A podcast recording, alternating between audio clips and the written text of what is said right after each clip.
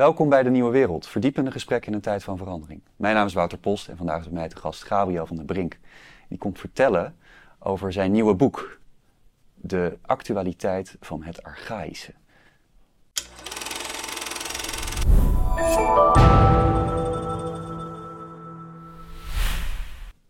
Welkom Gabriel. Dankjewel Wouter. Wat ontzettend leuk dat je er wil zijn.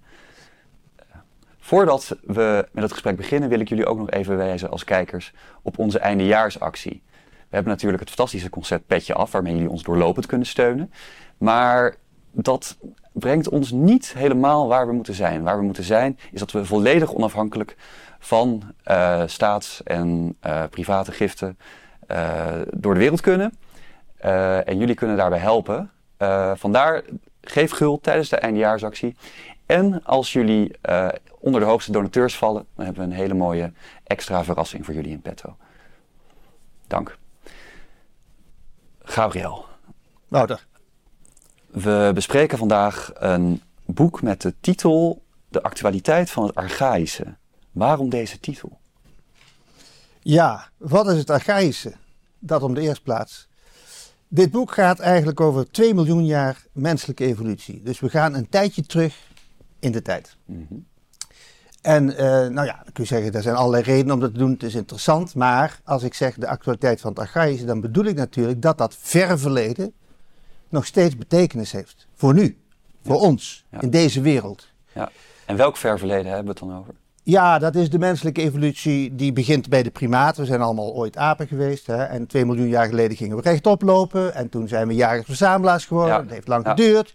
En uiteindelijk zijn we gekomen waar we nu zijn, namelijk in de moderne wereld. Precies. En die moderne wereld is wezenlijk anders dan de savanne, waar we ooit begonnen zijn. Iedereen weet dat. Hè? We hebben een uh, mobiele telefoon, we kunnen ons te pletter eten, we kunnen vliegen. Dat konden die ja. mensen allemaal niet. Zeker niet. Het probleem is, zijn wij zelf ook zo veranderd? Ja. En daar heb ik mijn twijfels bij, om het voorzichtig uit te drukken. Sterker nog, ik denk dat wij binnen, van aan de binnenkant, niet zo veranderd zijn. En dat geeft meteen ook uh, ja, een mismatch, heet dat dan. Dus een, een, een, een, dat wrijft. Wij zijn van binnen niet zo modern als de wereld om ons heen. En dat is de reden waarom ik dit boek en ook deze titel uh, gekozen heb. Precies. En de traagheid van het menselijk bestaan uh, wordt gevormd door evolutionaire precondities waar wij in leven. En die maar heel langzaam veranderen. Er zijn een aantal processen die daarin een rol spelen. We hebben het bijvoorbeeld over exaptatie. Dat is een term die heel veel in je boek terugkomt. Het is misschien wel leuk voor de kijkers om die term even uit te lichten. Wat betekent ja. dat? Kijk, uh, de evolutie is natuurlijk niet bij de mens begonnen. Nee. Die is al uh, wat ouder en dat heeft Darwin uh, natuurlijk voor het eerst begrepen. En dat is een hele tak van wetenschap. En dat beschrijft, hè, de biologen, de evolutiebiologen, die beschrijven hoe alle soorten eigenlijk een evolutie doormaken. En zich daarbij, en dat is klassiek Darwiniaans, daarbij uh, aanpassen aan hun omgeving. Hè. Uh, dus dieren, planten, alle levende wezens moeten zich aanpassen. Dat heet adaptatie. Mm -hmm.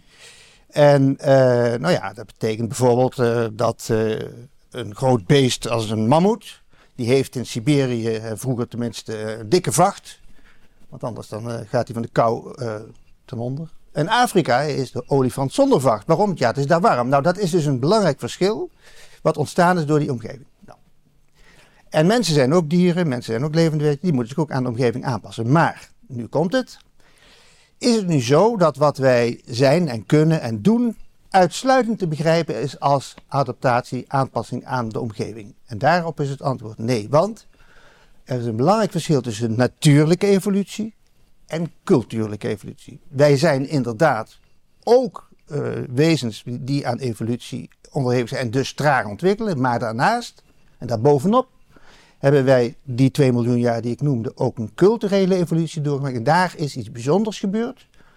We gaan het niet helemaal behandelen, want dan, uh, dan zijn we weken bezig. Maar we hebben een heel groot brein gekregen. En dat grote brein dat schept allerlei verbeeldingswerelden die waarschijnlijk bij dieren niet zo voorkomen. En daardoor kunnen wij dingen doen die ook niet in de natuur voorkomen. En een van de interessantste dingen die wij kunnen doen, is dat iets wat in de natuur ontstaan op een andere manier gebruiken. Een mooi voorbeeld, ik geloof dat het bij Frans de Waal genoemd wordt. Wij hebben natuurlijk uh, handen gekregen en vingers gekregen, zoals vele apen, om vruchten te plukken en om, uh, nou, misschien ook wel om stenen te pakken om elkaar dood te maken. Kun je wel met die hand doen. Maar de natuur heeft nooit gedacht dat wij met diezelfde hand piano zouden kunnen spelen. Juist. Dat is namelijk pas, uh, laat ik zeggen, 200 jaar geleden of 300 jaar geleden ontstaan. En toch kun je dat met die vingers doen. Dus die hand is weliswaar het product van natuurlijke evolutie en heeft ooit een functie gehad. En die heeft hij trouwens nog steeds. Je kunt nog steeds die hand gebruiken om vruchten te plukken. Maar intussen kunnen we ook met diezelfde hand piano spelen. En trouwens operaties uitvoeren en nog zoveel meer. Ja. Dat is het nieuwe gebruik van een oude functie, een oude organisme, een oude handeling. En dat is specifiek menselijk.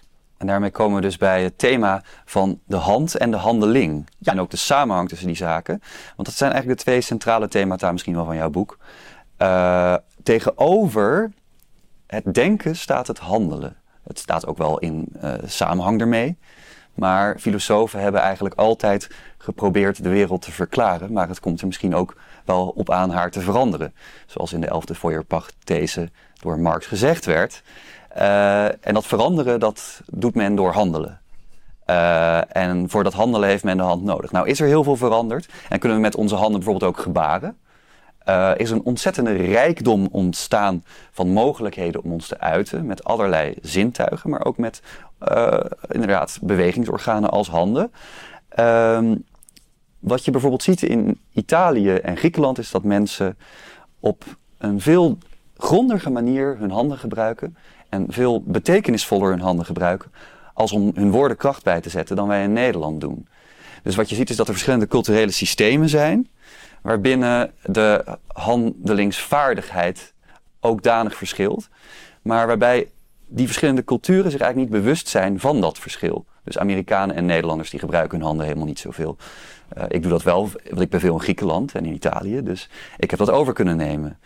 Uh, bemerk jij wat dat betreft ook dat er zoiets is als een ideale stasis waarbinnen een bepaalde cultuur zich kan ontwikkelen? Wat zijn er voor condities nodig? Nou, ik ben blij dat je dit voorbeeld noemt, want uh, kijk, waar het mij eigenlijk over gaat in dit boek is dat ik het mensbeeld wat wij hebben in de moderne mm vind ik veel te smal, veel te krap, veel te arm. Ja. Natuurlijk is denken belangrijk. Natuurlijk is spreken en taal belangrijk. Maar om nou te, te, denken dat het hele leven een kwestie van tekst is, zoals sommige filosofen hebben beweerd, dat vind ik echt zo armzalig. Iedereen die enige levenservaring heeft, en zeker als je uit het zuiden komt, ik kom ook uit het zuiden van Nederland, dan weet je dat het leven veel meer omvat, waaronder allerlei lichamelijke dingen. Dus wat ik wil, is een mensbeeld waarin weliswaar het denken en de tekst en de cognitie heel belangrijk en volkomen erkend worden. Daar gaat het niet om. Essentieel zijn. Absoluut. Maar het lichaam doet ook mee. Juist. En bij het lichaam hoort, nou ja, allerlei dierlijke dingen. Hè. We moeten ook eten, we moeten ons voortplanten. Mhm. En daar hoort ook bij het gebaren, daar hoort bij het theater van uh, de onderlinge omgang. Ja. Daar hoort ook bij de verbeelding van dat je allerlei dingen in je hoofd haalt die misschien niet zo rationeel zijn. Met andere woorden, Italië, waar ik me buitengewoon thuis voel, mhm. is voor mij een rijkere, vertegenwoordigt een rijkere omgang met de menselijke natuur dan de moderne wereld. En overigens is dat precies een link naar, naar het onderwerp wat we net hadden. Mhm. In het noorden van Europa en in de protestantse wereld denken wij in de moderne wereld dat we een geweldige stap voorwaarts hebben gemaakt door dat allemaal weg te doen en niet meer te gebaren, maar uitsluitend met tekst bezig te zijn of uitsluitend met ons verstand. En dat wordt als een vooruitgang gezien. Ik bestrijd dat. Ik vind dat, ik, ik zie wel de voordelen daarvan, daar gaat het niet om. Maar ik vind het een verarming als je het leven daartoe zou beperken. En mijn boek is een poging om al die andere dimensies van het leven, waaronder inderdaad de gebaren, maar ook het spel, ook de verbeelding, ook het zingen, ook de kleur, te rehabiliteren. Juist. En in zekere zin is dat ook een aanval op een aantal specifieke filosofen. Uh, sommige mensen zouden zeggen: ga daar nou niet naartoe, Wouter, want uh, we moeten vooruit en we moeten niet terugkijken. Maar misschien is het toch even goed om een kleine deconstructie uit te voeren van een aantal filosofen. Bijvoorbeeld Ludwig Wittgenstein, die inderdaad die taal zo centraal uh, stelt. Jij hebt het ook over Martin Heidegger en Jacques Derrida in het kader van de filosofen die als het ware het epistemologisch kader van onze moderne tijd in het Westen vormgegeven hebben. Uh, je hebt een sterke kritiek op alle drie. Uh, en op alle drie eigenlijk om verschillende redenen, maar wel redenen die uiteindelijk samenhangen. En ook uh, waar jouw werk uit voortvloeit, denk ik, toch? Ja, ik ga je toch eventjes uh, een beetje relativeren. Kijk, mm -hmm. uh, Derrida en het postmoderne denken in ja. Frankrijk, dat ken ik vrij goed. Mm -hmm. Daar ben ik als student ook behoorlijk in verdiept. Mm -hmm. En een tijd lang ook, ja, was ik daarvan gecharmeerd. Ja. want het is natuurlijk wel een interessant, intelligent spel met begrippen. Mhm. Maar uiteindelijk heb ik al heel vroeg, al in de jaren tachtig, daarvan afscheid genomen. Mhm. En ik ben toen ook tijdelijk uit de filosofie gestapt. Ik ben toen de geschiedenis ingegaan. Waarom? Omdat ik dat spel met begrippen en met woorden en met termen, met verschillen, you name it. Daarvan ja, je kunt alle kanten op. En als je slim bent, dan ga je ook alle kanten op. Maar wat is nou de werkelijkheid? Precies. Dus ik bleef geloven dat er zoiets is als een werkelijkheid. En toen ben ik de geschiedenis in te gaan om te proberen de werkelijkheid. Hè, ik heb een dorp bestudeerd in het verleden. Om de werkelijkheid daarvan echt te construeren, Mhm. reconstrueren. En daar heb ik tien jaar van mijn leven aan besteed. Dus werkelijkheid is voor mij een serieuze categorie. Ik, ik, ik, ben, ik mag graag spelen, ook met begrippen. Maar werkelijkheid vind ik een heel belangrijk criterium. Ik, ben een realist. Ik probeer een realist te zijn, laat ik zo zeggen. Ik probeer de realiteit van het leven, hoe ingewikkeld ook is, recht te doen en niet op te lossen in een of ander begrippenspel. Spel. En ik vind dat veel filosofen daartoe neigen. Eh, de postmoderne neigt daartoe, maar eigenlijk zijn er heel veel filosofen die daartoe neigen. Waarom? Omdat eh, filosofen natuurlijk, eh, als het goed is, enorm getraind zijn in een systematisch gebruik van begrippen, denkschemata, systemen, logica. En dat is allemaal heel belangrijk hoor. Maar zij- wat zij kunnen is denken. Maar als je nou kunt denken, weet je dan ook wat de realiteit is? Zeker niet. Eens. De realiteit is iets wat zich vrij systematisch aan het denken onttrekt. Of sterker nog, iets wat regelmatig binnenbreekt. Dus je hebt iets gedacht en dan komt de realiteit langs en zegt, sorry, het is anders. Dus mijn kortste definitie van de werkelijkheid is deze. Ik ken geen korter. De realiteit is datgene wat tegenvalt. Dus je hebt iets bedacht en je gaat ervan uit dat het zo is en dan valt het tegen. Ja. Het is ingewikkelder, het wil niet lukken, het gaat trager. Dat is de werkelijkheid. En die werkelijkheid, die is in het echte leven natuurlijk heel belangrijk. Die moet je, vind ik, als filosoof recht doen. En mijn grote bezwaar tegen veel filosofen van de 20e eeuw, die ik echt niet allemaal even goed ken, maar is dat zij enorm ertoe neigen om in die taal te gaan zitten. Dus Mhm. daarin zijn zij modern, Mhm. in die taal te gaan zitten. En te doen alsof buiten de taal dat allemaal ja, construeerbaar is. Een soort Kantianisme in het kwadraat. Mhm. Ding aan zich kennen wij niet. Ja, maar het leven zelf is toch een ding aan zich. Ja. En ik, net zoals in mijn proefschrift, wil naar dat ding toe. En ik weet heel goed dat je dat ding niet zomaar naïef kunt aantreffen. Dat je daarover moet lezen, moet denken, dat je je ervaring moet hebben. Maar dat ding aan zich wil begrepen worden. Ja. En dat vind ik de eigenlijke taak van de filosofie. Ja. En als mensen daarvan wegzeilen, omdat ze met hun intelligentie ontzettend goed kunnen praten. En denken tegen, sorry vrienden, je hebt het leven niet begrepen. ja. En dat ding aan zich, dat kent aan allerlei zijden. Het is misschien wel als, als, als een smaragd met duizend prisma's. En ieder van die prisma's, die eh, wil je vanaf een bepaalde kant beschouwen. En het mooie van jouw boek, wat ik dus in voorpublicatie heb kunnen lezen, is wat ik je ook zei, dat het een soort van aforistisch karakter kent. Waarbij je het eh, boek in 25 hoofdstukken hebt opgedeeld. En de meeste van die hoofdstukken die eh, draaien rondom een bepaalde handeling. Ook zorg je ervoor dat die handelingen een soort van verloop kennen, wat te maken heeft met de menselijke evolutie. Dus je deelt het op volgens mij in vijf onderdelen, eh, waarbij je kan zeggen dat de vroege onderdelen met vroegere tijden te maken hebben en minder complex zijn ook op bepaalde gebieden. En de latere onderdelen steeds complexer worden. En ook binnen de hoofdstukken werk je Ja. grotendeels volgens mij van een aantal simpele situaties naar complexiteit Ja. door. En ik denk dat dat heel handzaam is voor mensen die dit kunnen lezen. Dus dat het een heel praktisch boek ook is voor mensen die niet zozeer in filosofie geïnteresseerd zijn, maar in levensleer. Wat overigens een beetje op hetzelfde neerkomt. Maar hoe daar komt nog iets bij, hè, want eh, je hebt gelijk. eh, die boeken bouwen zich op. Mhm. Het gaat van relatief eenvoudig naar ingewikkeld. Mhm. Maar dat is eerlijk gezegd ook hoe de menselijke evolutie zich heeft voltrokken. Mhm. Dus in het begin, toen wij nog dieren waren, ging het om dingen als om de drie dingen van het leven, namelijk voedselveiligheid en voortplanting. Vat ik altijd zo kort samen voor het college.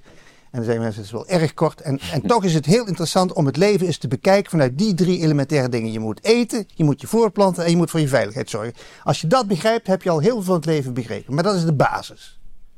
Dat doen dieren ook. Ja. Maar, en dus dat zijn ook de eerste handelingen die ik beschrijf. Hè. Wat betekent menselijk voeden? Wat betekent voortplanting? Wat is veiligheid? Wat is oorlog? Wat is waarnemen? Enzovoort. Heel organisch eigenlijk. Maar ja, we hebben, ik zei het al, een groter brein gekregen. En dat doet iets met ons. Wat doet dat brein dan? Nou, dan komt er dus een laag bovenop. Namelijk, ja, we zijn gaan denken, we zijn gaan leren. We kunnen veel dingen leren door dat brein. We kunnen voorbeelden navolgen. We kunnen spelen. We kunnen eh, gebaren maken. We kunnen betekenis uitwisselen. Ja, dat doen op een, kijk, dat doen dieren ook wel een beetje hoor. Het is geen kloof maar, tussen mens en dier, maar we doen het beter of meer. En het tweede wat erbij komt, dat is dan ook weer een volgende behalve dat we noem het cognitief, hè, cognitief eh, enorm ontwikkeld zijn, zijn we ook sociaal enorm ontwikkeld. We zijn gaan samenwerken, ook op een manier die bij dieren niet in die mate voorkomt. En we zijn een samenleving gevormd, een gemeenschap gaan vormen. Nou ja, en samen leidt dat dan tot wat we cultuur noemen. Ja, en cultuur, en zeker als je het over de hogere cultuur dat komt in die zin niet bij dieren voor. Hè. Er is geen, dieren schrijven geen opera's en dieren die, uh, vertellen geen verhalen, wij wel. Dus het bouwt op van eenvoudig naar inderdaad relatief complex.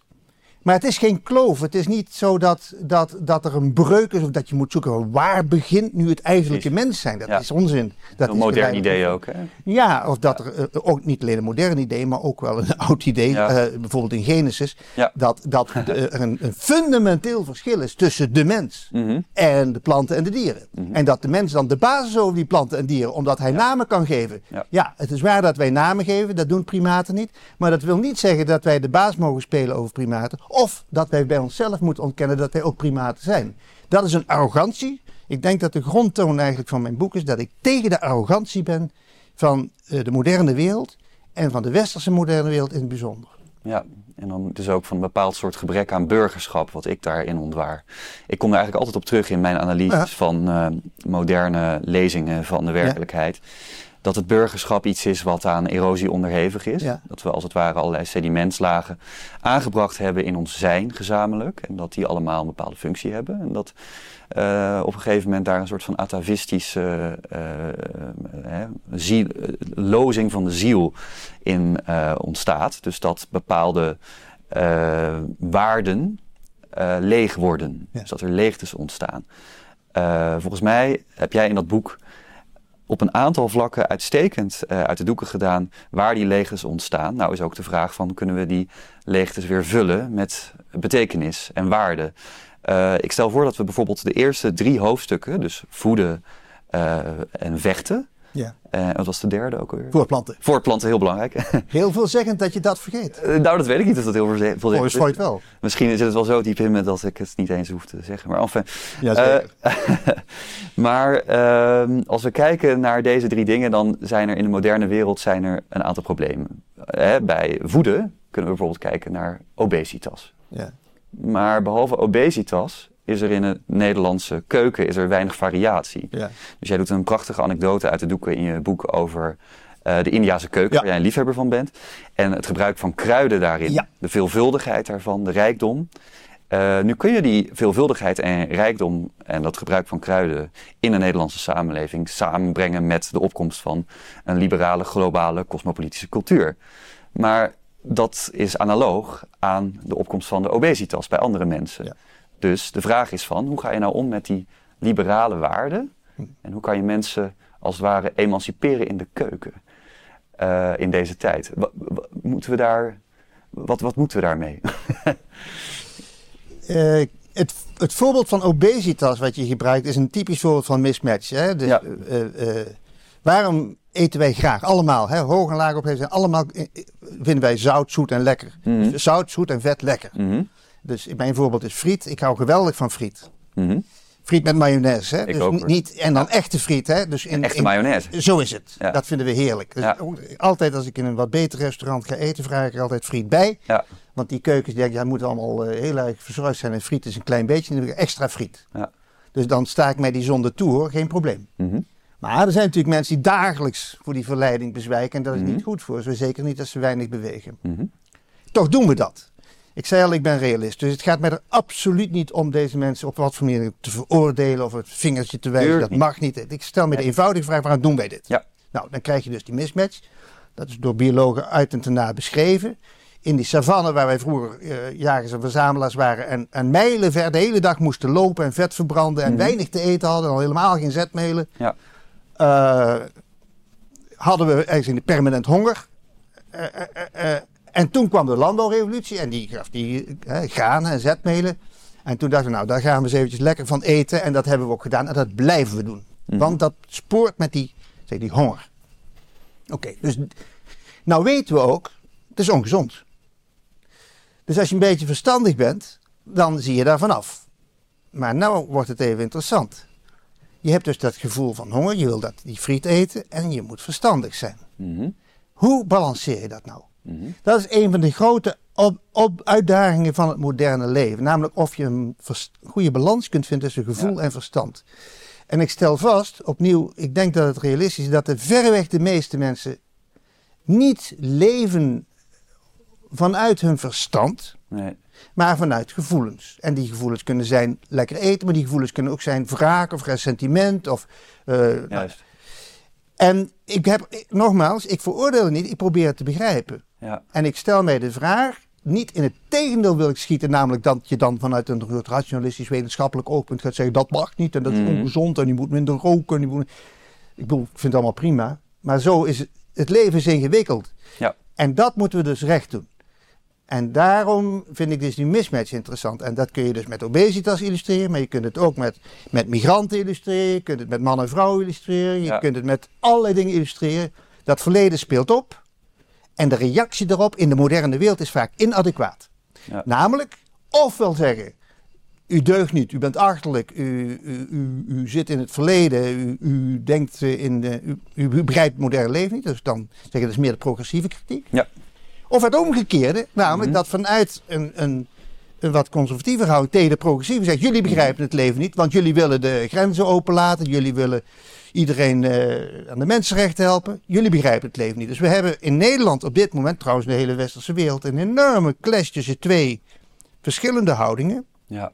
Noem het even conservatief-progressief voor het gemak. Mhm. En beide denken dat ze gelijk hebben. De, beide denken dat ze het leven begrijpen. Beide denken dat hun mensenbeeld, hun wereldbeeld juist is. En veroordelen de ander.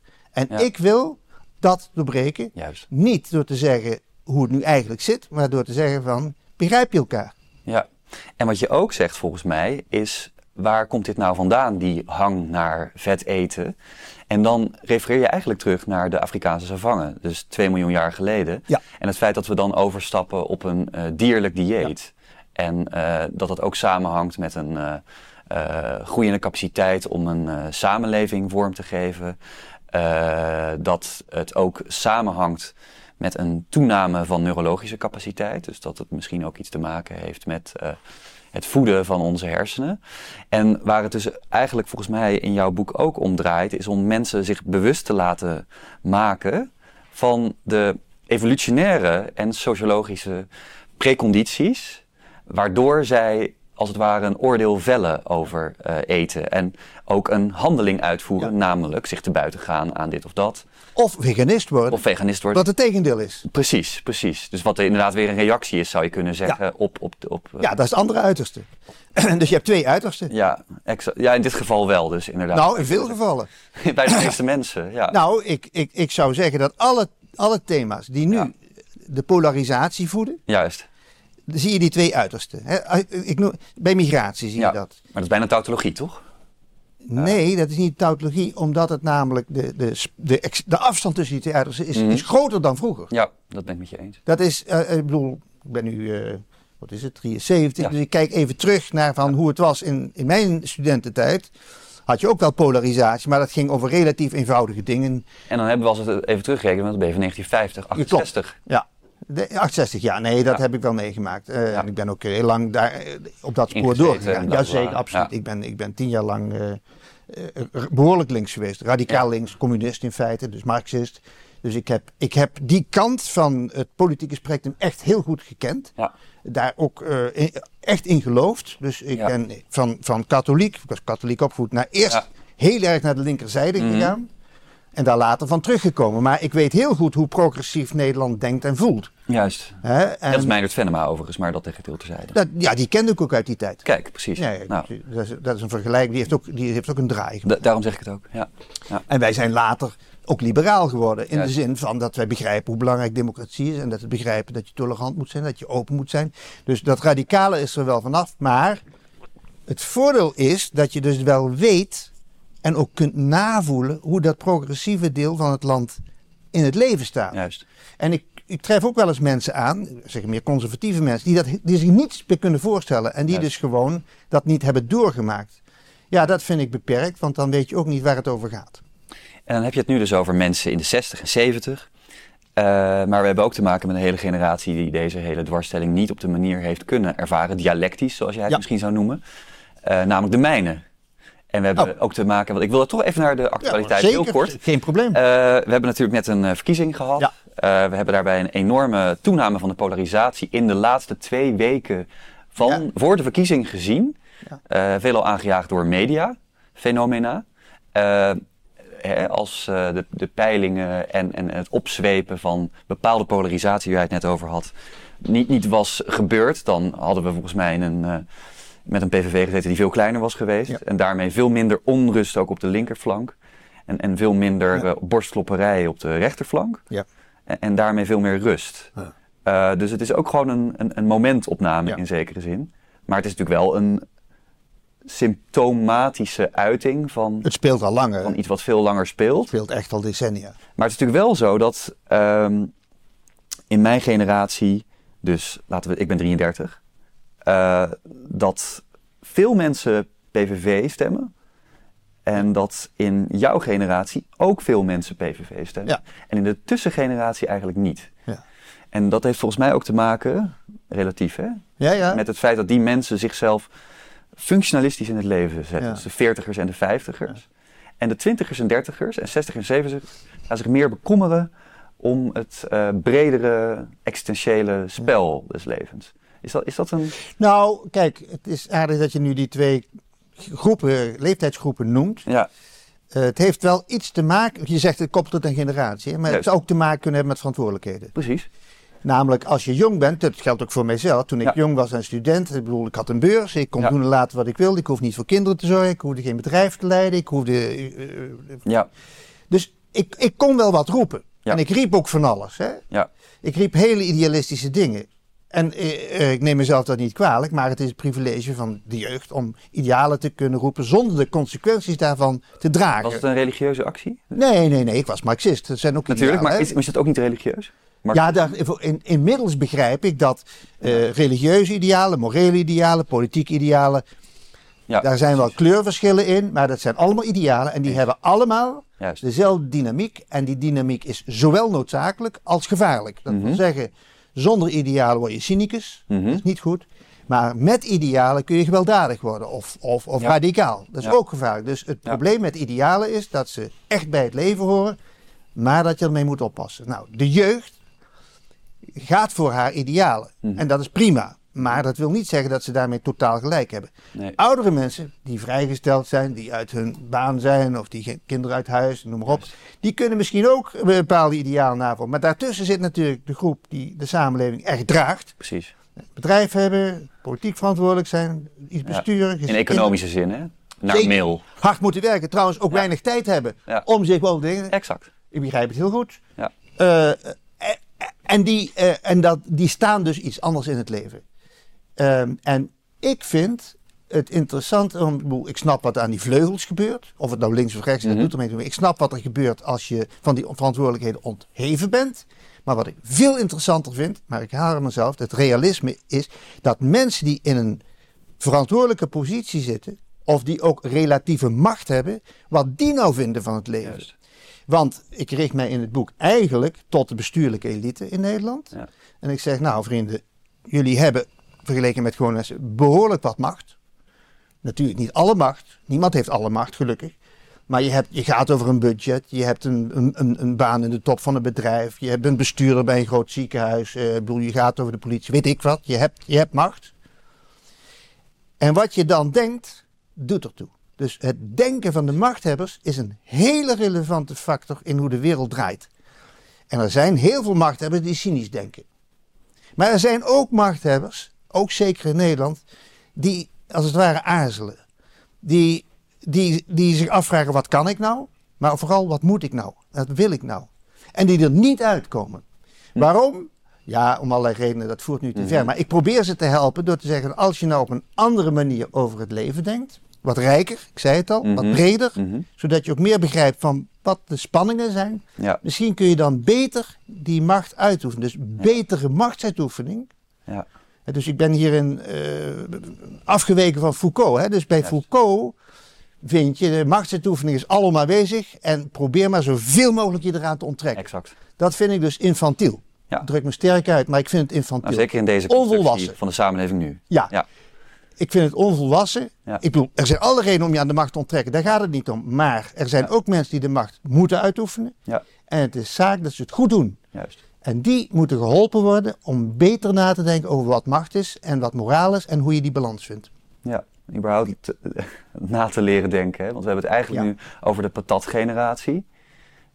Ja, als je het zo wilt noemen. Ik vind dat wel leuk om te doen. Ja. Ik Maar ik, ik hoor, toch veel managers die gewoon behoorlijk slank zijn en aan sport doen. Dat, ik ook. En die hoor. helemaal geen obesitas hebben, maar die nou ja, ze kunnen wel wat hebben. nou, een soort, een soort denkobesitas, zullen we maar zeggen. Namelijk dat ja, ze zich tevreden stellen Juist. met gemakkelijk verteerbare, maar voor, slecht voor de gezondheid, denkbeelden die gemakkelijk verteerbaar zijn, maar die slecht zijn voor de gezondheid van henzelf en voor de samenleving. En denkobesitas bestrijd ik. Ja, en het, het gemakkelijke argument tegen deze gedachte is natuurlijk ook... Hè, Gerrit Komrij die zei over zijn generatie van 68... ze hebben het verraden en die zijn allemaal aan het plusje gaan plakken. En eh, Henk Hofland zei hetzelfde. Ja. En eh, de, de kloof tussen de burger en de politiek en bla bla bla bla bla. Allemaal waar. En je ziet dan een generatie daarna die eigenlijk volgens mij... als je naar Kasia Ollongren of zo kijkt... een soort van apolitieke, serene, ma- mandate of heaven-achtige grondhouding lijken te hebben. Ja. Die, zit- die, zit- die eigenlijk op een soort van post, eh, post-ideologische Ja. wolk drijven. En, en, en, en bestuur zien als puur een zaak van functionele zaken en, en nullen en enen. En, ja, die kom je veel tegen, maar ehm, het leven wijst anders uit. Namelijk heel veel mensen, maar hoe overtuig je nou die mensen? Door hen erop te wijzen dat er buiten hun wereld Mhm. een werkelijkheid is die anders in elkaar zit en anders werkt. Ja. En dat ze wakker moeten worden. Mhm. En daarmee bedoel ik dat ze dus niet wat in hun leven normaal is, Mhm. mogen projecteren op de wereld als geheel. En Ja. dat ze voorbereid moeten zijn op onaangename verrassingen. Ja. En ik noem drie onaangename verrassingen. Die ook bewijzen hoe actueel de realiteit, de, het, het- hoe actueel dat archaïs is. Mhm. Iedereen was verrast in Europa toen Poetin eerst in 2014 en vervolgens daarna de Oekraïne binnentrad. Mhm. Want we hadden ook tegen elkaar gezegd, ja, oorlog, dat is iets van het verleden. In meer of mindere mate inderdaad. Ja, nee, in het denken was, Ja. dat, was dat wel het gedachte. Namelijk, dat is zo ouderwets, dat doen we niet meer. Land veroveren, dat eh, is, behoort tot het verleden. Ja, Nou, de meeste mensen dachten zo. Ja. Ja, de meeste mensen. Ja. Dat is een, dat is een belangrijk feit. Absoluut. Niet iedereen, maar de Nee. meeste mensen. Dus dat betekent dat je niet geprepareerd bent ja, precies. Op, zo'n, op, op oorlog, Mhm. op geweld. Ja. Nou, dat is dus naïef. Mhm. Dat is dus een mensbeeld en een maatschappijbeeld wat niet is opgewassen tegen wat er in de werkelijkheid Ja. gebeurt. Namelijk internationale politiek hier eventjes. Ja. Naïef. Tweede voorbeeld. Economische groei is altijd niet alleen moreel goed, maar dat gaat eindeloos door. Dat moet trouwens ook, anders kan de, is geen Mhm. concurrentie. En eh, ja, er zijn misschien een paar problemen met natuur, maar dat fixen we wel, want met nieuwe technologie kunnen we dat allemaal handelen. En- Accelerationisme. Nou. Ja. Tweede. De ernst van het klimaatprobleem wordt dan ja, buiten de vergelijking gehouden. Zeggen, Ja. naïef vind ik dat, namelijk dan laat je niet tot je doordringen dat in dit geval een andere realiteit, niet de internationale, maar de re- realiteit van natuurlijke processen, Mhm. klimaatverandering, wat dat voor je betekent. En je zit in je bubbel. Ja. Ehm, ja, het derde voorbeeld eh, is eh, migratie. Eh, er waren in diezelfde bestuurlijke kringen heel veel mensen. die Eerst multiculturele samenleving, dat is allemaal goed en dat is verrijking en daar moet je tolerant in zijn. En als je dat, tegen bent, dan ben je een beetje ouderwets en dan, dan ben je niet, deug je niet. Nou, ja, heel veel mensen denken er anders over en, en dat wint dan bij de verkiezingen ook een onaangename verrassing. Dus drie onaangename verrassingen. Oorlog, weerstand tegen migranten, Mhm. eh, klimaat. Ja. Hoe kan het nu dat een bestuurlijke elite, die voor het overgrote gedeelte bestaat uit hoogopgeleide mensen, die hebben allemaal een universitaire studie gedaan, Mhm. die allemaal eh, ook, dat, dat maakt het tragisch, een, echt wel op een verantwoordelijke manier hun werk doen. Dat zijn geen schurken, dat zijn mensen die hun werk verantwoordelijk doen. Dat die toch verrast worden door realiteiten die er echt in hakken en die trouwens door mensen buiten de bestuurlijke elite vaak eerder worden aangevoeld. Dat vind ik een interessante mismatch en ik richt me tot hen. Namelijk, vrienden, jullie hebben een verkeerd beeld van wat het leven is, een verkeerd beeld van wat de mens is en een verkeerd beeld van wat de moderniteit is. En dat moet je beter doordenken, want als je dat beter doordenkt, hoop ik dat je beter bestuurt en beter macht uitoefent. Lijkt me wijs. Ja, maar die wijsheid moet wel verkort worden.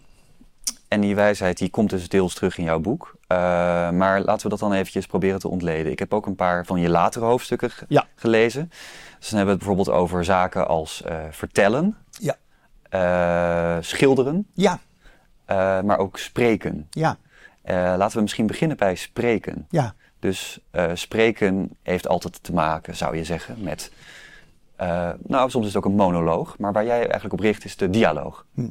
En dialoog als manier om elkaar te begrijpen. Hm. Ehm, de indruk die ik eh, heb als we kijken naar onze huidige politieke leiding, is dat we te maken hebben met een monoloog. Dus dat men als het ware zit te appen op de telefoon als men, eh, Mark Rutte of Hugo de Jonge zijnde, op de ministerstribune zit, terwijl een Kamerlid een vertoog houdt. ja. Eh, daarmee is de uitstraling eigenlijk ook een van desinteresse, Ja. interesse, maar dan niet desinteresse. Eh, wat, wat doet dat met het moreel van een bevolking? Eh, wat doet dat met ook de ziel van Nettie van de Kokkelweg in Biddinghuizen, die naar een debat zit te kijken Ja. en denkt Ja. van, eh, Ja. ben ik hier nou überhaupt in een politiek discours beland of een soort van dystopische, onmenselijke, niet interactieve, niet Nou, je- reële.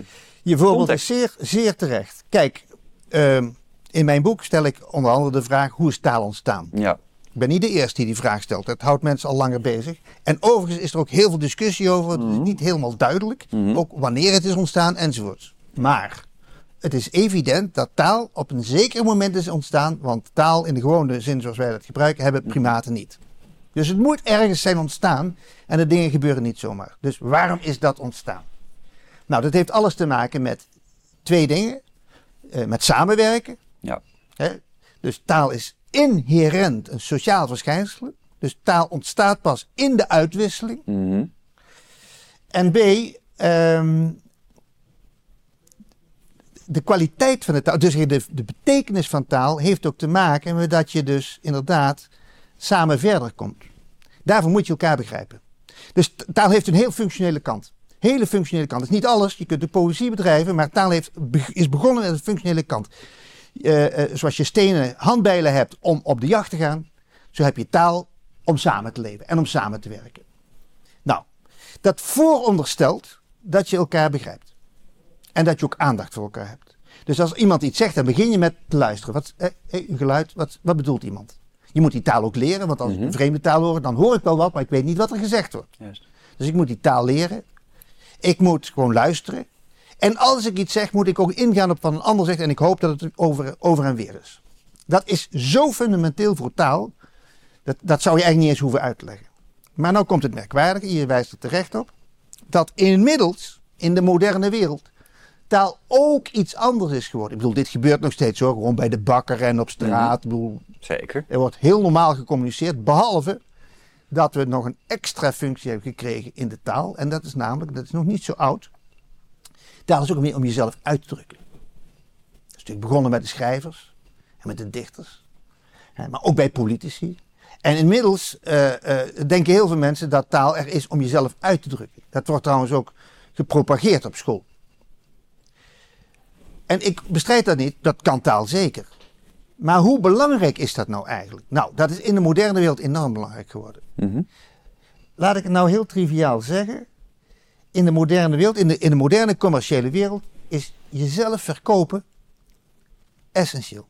Dat wil zeggen, als je carrière wil maken, Zeker. als je bekend wil worden, als je kijkcijfers wilt scoren, als je carrière wil maken, als je een partner wil vinden.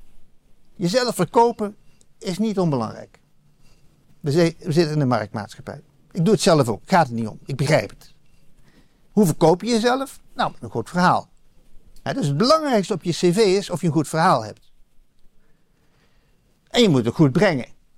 Dus verbal performance. Dus kunnen zeggen wat je wil, je, Ja. jezelf presenteren is heel belangrijk. En je profileert je daarmee. Hè? Dus dat wil zeggen, je bent nooit een ander. Dat bevordert competitief gedrag Mhm. In, in taal. Juist. Dus wat je niet moet doen, is toegeven dat een ander misschien gelijk heeft. Of zeggen, ik weet het niet. Daar heb, koop je niks voor. Je moet, je moet absoluut weten hoe het zit. Of althans doen alsof je weet hoe het zit. Je moet dat vlot vertellen. En je moet vervolgens een soort superieure houding aannemen van wie maakt mij wat. Mhm.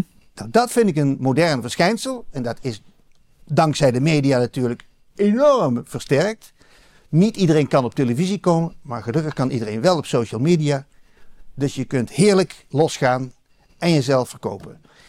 Wat dat doet met de dialoog is een tweede ding. Die wordt natuurlijk kapot gemaakt op die manier. En je ziet dan ook dat het vermogen om met elkaar in gesprek te gaan enorm erodeert. Zelfs in een land van Nederland, Ja. als Nederland, wat van oudsher heel erg goed was in dat, Ja. in dat dialogische. En ook speels erin, hè, vaak. Ook. Als je naar Wiegel of Van Acht kijkt. Ja. Nou, Lubbers wat minder dan. Maar goed, eh, nou, misschien ook wel op een bepaalde manier. Maar Bij Lubbers moest je vooral op zijn gedrag letten, maar dat is iets anders. Nee, precies. Maar dus dat was natuurlijk ook taal in zekere zin. Alleen maar, Maar- in zekere zin, hè? In zekere Dat hadden we zin. net vastgesteld. Ja. Het lichaam is geen taal. Nee, precies. Maar eh, als je kijkt naar de huidige leiders, hè, dus naar een ehm Dilan Yezilgus, Ja. eh, wat overigens groen oog betekent in het Turks, wat ik wel weer poëtisch vind. Maar dat is iemand die eigenlijk alleen maar inderdaad eh, public commercials Ja. verkoopt, hè, zoals Ja. het spreekt. Het spijt me zeer, Dilan, dat ik het zo zeg, maar het is wel zo als ik je zo hoor op tv en elders. En eh, ook als je naar iemand als Lodewijk Asscher of Jesse Klaver kijkt, dan zie je een bepaalde manier van spreken die proclamatief is. Ja. Mo- monoloogachtig. En eh, zacht, toedekkend. Ja. En uiteindelijk ook gesloten. Het is alsof zij, terwijl ze spreken, de ander al mute zetten. Ja. En, en dus, dus dat is eigenlijk weer een soort van reactie, heb ik de indruk, op de, de rubato van iemand als Geert Wilders. Die dan weer daarentegen de uitroeptekens overal op gaat zetten. Maar geen van deze mensen verstaat zoals Wiegel of Van Acht eh, de kracht om ook even iemand serieus aan te kijken. Met de intentie om die persoon te begrijpen. Eh, het geldt niet voor, nou voor Wilders geldt misschien een beetje. Maar voor Klaver, Asscher en Jezus geldt volgens mij in meer of mindere mate dat ze die kunst eigenlijk eh, misschien niet helemaal verleerd zijn. Maar dat- ik zie daar wel een erosie in. Vergeleken met Eh, Ja, mensen daarvoor. er, er zitten twee kanten aan je observatie. Het eerste is toch ook wel inhoudelijk, namelijk dat al deze mensen die je noemt hebben een eigen verhaal en zijn er diep van overtuigd dat hun verhaal klopt. Juist. Dus, eh, en dat is eh, gewoon verdeeld langs die as die we net zagen, progressief-conservatief. Mhm. Progressief Nederland heeft een hele duidelijke overtuiging dat zij weten in welke richting de geschiedenis gaat. En dat iedereen die dat niet volgt, eh, het niet begrepen heeft. Ja. En die toekomst is groener en die is mensvriendelijker en vrouwvriendelijker. En, en, zo, en Ja. daar zijn ze van overtuigd. Mhm. Om, eh, andere verhaal is even overtuigd van zichzelf. En die vinden dat het terug moet naar zijn nationale identiteit. Mhm. En dat we sterke leiders nodig hebben enzovoort. Ja. En beide verhalen staan dus gewoon inhoudelijk tegenover elkaar. Dus dat er geen gesprek plaatsvindt, heeft ook te maken met het feit dat die achterliggende wereldbeelden, die mensbeelden, ge, ge, monocultuur, monocultuur zijn geworden. Waarin geen, geen ruimte meer is voor andere gezichtspunten. Maar je hebt gelijk dat los van die inhoud ook de stijl van eh, spreken en van Mhm. omgang met elkaar, daar is ook iets mee gebeurd. Dat heeft misschien met dat verkopen te maken. Mhm. Maar het heeft ook te maken met bubbels. Met wie, met, wie, eh, met wie leef je? En in hoeverre ben je of gedwongen of ben je vrijwillig in staat om je uiteen te zetten met mensen die anders spreken. Ja. Met mensen die anders leven. Ja. Ik heb eh, in een ander boek, maar het zit ook wel in dit boek, eh, wel eens gezegd. Kijk, ik beoefen al, al heel lang, al decennia lang, methodisch populisme. Mhm. En daarmee bedoel ik dat ik in alles wat ik onderzoek en wat ik ook wat ik opschrijf, mij de vraag stel: eh, hoe zouden gewone mensen dat nou vinden? En ik ben daarmee begonnen in mijn proefschrift, want toen moest ik eh, onderzoek doen naar het dorp Woensel. En dat was toen in die tijd allemaal, hè, praat over de 18e, 19e eeuw, ongeletterde boeren, ongeletterde Ook wever. de regio waar je zelf vandaan komt? Ja. ja. Maar ik, ik, dus ik moest mij afvragen, hoe leven nou mensen, en niet alleen eh, materieel, maar ook geestelijk, wat is nou het leven van mensen die ongeletterd zijn? Juist. Daar heb ik enorm veel van geleerd. En later ben ik dat gaan volgen. Dus ook in mijn onderzoek naar allerlei bestuurlijke dingen heb ik altijd geprobeerd om vanuit gewone mensen te zeggen: hoe kijken die nou naar het bestuur, naar de cultuur, naar de, naar de media enzovoort. Niet dat ik heel veel van die mensen, maar zo daarin oefen ik mezelf. Ik verbeeld mij dat. Ik stel mij voor hoe het leven is. Dus ik ben altijd bezig om te denken, zeggen, om, om, om mij voor te stellen hoe mensen die anders zijn dan ik, hoe die denken. Mhm. Mensen met wie ik het grondig oneens ben. Ik ben het grondig oneens met Wilders. Dat mag ik echt Ja. wel zeggen. Ja. Maar ik moet proberen te begrijpen hoe hij denkt. Juist. En die plicht, die intellectuele plicht op de eerste plaats, maar ook wel burgerplicht, Mhm. die maakt dat ik in dit boek zowel de progressieve als de conservatieve lezer voorzie van inzichten. Zeggen wij, jullie moeten, wij moeten elkaar beter begrijpen. En je mag je niet opsluiten in je eigen gelijk. Dat is arrogant. En of die arrogantie nou progressief of conservatief is, dat maakt mij geen bal uit. Ik ben daartegen. Precies. En herken je je dan in een bepaalde politiek in Nederland of elders eh, wel? Vooralsnog? Niet meer. Niet meer. Eh, nee, maar het is wel zo dat eh, er een nieuw midden moet worden uitgevonden. Mhm. Los van de vraag wie dat is. Ja. Het moet worden uitgevonden. Om vele redenen. Niet alleen om redenen van vrede en, en democratie, Mhm. ook. maar ook om intellectuele redenen en om morele redenen. Want eh, het is heel interessant om radicaal te zijn. Dat mag ik echt wel zeggen uit eigen ervaring. En het spreekt ook geweldig tot de verbeelding en het is leuk. Ja. Maar het leven hangt niet van radicaliteit aan elkaar. Integendeel, het, het leven is, en dat Aristoteles eh, heeft het al Mhm. lang eh, goed begrepen, het zoeken naar een midden tussen twee extremen, moreel noodzakelijk, maar ook om te overleven noodzakelijk. En wij zijn dat vermogen in Nederland en trouwens in veel moderne samenlevingen kwijt aan het raken. En dat moet terug. En dat is geen waterig compromis. Dat is een hele moeilijke job, waarbij je standpunten die elkaar ogenschijnlijk uitsluiten, vanuit een derde gezichtspunt, daar komt de dialectiek om hoek, vanuit een derde gezichtspunt met elkaar in gesprek kunt laten gaan. Juist. Eh, ja, ik denk dat er in die zin wel hoop is voor, eh, of, reden is tot optimisme. Eh, ik denk dat we met nieuw sociaal contract een beweging hebben die daar misschien wel ruimte aan zou kunnen geven. In ieder geval ook wil geven. Ik moet wel zeggen dat ik Pieter Omtzigt wat dat betreft een beetje gefocust op technica vind. En dat het misschien wel mooi zou zijn als we ook de, de meer dialectische diepgang met wat Kamerleden, maar misschien ook wel met het wetenschappelijk bureau daar eh, Ja. af zouden kunnen gaan. Dus, eh, Kijk, wat eh, even los van, wilde, van personen, Mhm. om zich Wilders, noem maar op. mhm, Wat interessant is aan de verkiezingsuitslag, is dat natuurlijk daarin onderstroom zichtbaar Ja. wordt. Ja. En, en, en daar wil ik het graag over hebben. Namelijk, mhm, er is een enorm behoefte aan een verstandig midden. Ja. En een verstandig midden betekent niet een midden wat al die emotionele krachten ontkent. Die zijn er gewoon. Ja. Maar je kunt ze niet wegdrukken. Dus je Mm. moet op een verstandige manier omgaan met die krachten. En dat betekent dat je dat nieuwe midden opnieuw moet uitvinden. En eh, dat zoveel mensen daarop stemmen, dat heeft niet alleen te maken met politieke opportuniteiten, maar ook, nou op de eerste plaats dat de oude partijen die dat vermogen hadden het haar hebben laten liggen. Dus de PvdA ja, en, totaal, de? Christen, en de Christendemocraten hebben die taak schromelijk verwaarloosd, Mhm. al in de jaren negentig. Mhm. Die zijn gewoon meegegaan met het liberale denken. Ja, eh, een groot deel van de samenleving wil dat midden of zoekt het midden. Ja.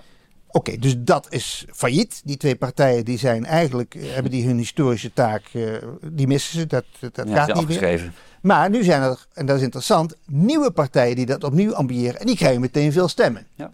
Ja, daar zit natuurlijk ook een intellectuele opgave achter. Of een, eh, zeg, ook een maatschappelijke opgave. Namelijk, wat stel je dan voor bij leven en bij mensheid en bij samenleving en moderniteit? Precies. Kunnen we het daar eens over hebben? Kunnen we het eens hebben over de achterliggende aannames van bijvoorbeeld innovatie? Ja. Van bijvoorbeeld mensenrechten? Van bijvoorbeeld migratie? Van, hè? Ja. Want ik vind dat daar slecht over nagedacht wordt. Ik bedoel, je mag van mij alles vinden, maar je moet er ook over nadenken. Helemaal eens. Eh, ja, tot slot misschien nog even het thema dus van taalrijkdom. Ik eh, merk ook dat in Nederland er een soort van evolutionaire druk lijkt te zijn om in, je in jargon uit te drukken, eh, je te beperken. Eh, en ik denk ook dat het een belangrijk gegeven is misschien, want ik spreek zelf zes talen, v- aantal vrij aardig. Doe maar. Dank u zeer. Maar ehm, ik heb wel gemerkt dat je dat eigenlijk alleen maar kan doen als je je moerstaal uh, goed beheerst. En ik heb de indruk dat heel veel Nederlanders uh, dat niet beseffen. Maar ik vind tegelijkertijd ook wel dat je dus open moet staan voor die andere talen om je eigen taal te kunnen relativeren en te objectiveren. dus dat je als, je, als je dus kennis hebt van de syntax van een andere taal, de fonemen, de kreten, uh, en dat geldt trouwens ook voor die gebarentaal in Italië, mm. Griekenland waar ik het over had, dan heb je dus een bepaalde geestelijke ruimte die je jezelf verschaft. Een, een, een nieuwe lucht als het ware, die je als mens, uh, zeker als jong mens, um, enorm veel ruimte biedt. Dus ik wil dat even aan mijn generatiegenoten mededelen, die over het algemeen alleen nog maar Engels en Nederlands spreken. Mm. Dat het misschien voor hen ook in de geest van Europa, waar iedereen zeker op de linkerflank zo vol van is, wel handig is als men bijvoorbeeld de taal als speelveld gaat gebruiken om zich te verdiepen in de ander. En uh, nou ja, ik weet niet of je daar nog iets van wil zeggen. Ja, ik, daar heb ik natuurlijk. Kijk, ik ben ook in mijn leven al met taal bezig. En ook in dit boek moet je voortdurend met taal bezig. Dus dat is mij zeer dierbaar. Ja. Um, daar wil ik twee dingen over zeggen. Op de eerste plaats, eh, mensen zeggen taal verandert. Mm -hmm. Jazeker, taal verandert. Mm -hmm. Maar dat wil niet zeggen dat taal in aanmerking komt voor innovaties, hm. zoals het afschaffen van tussen hij en zij. Mhm. Eh, dat, dat, de taal is ook een gegeven. Precies. Namelijk, het wordt jou gegeven. Je wordt geboren in een taal, je krijgt een taal mee, het is voor je, je verinnerlijkt een taal.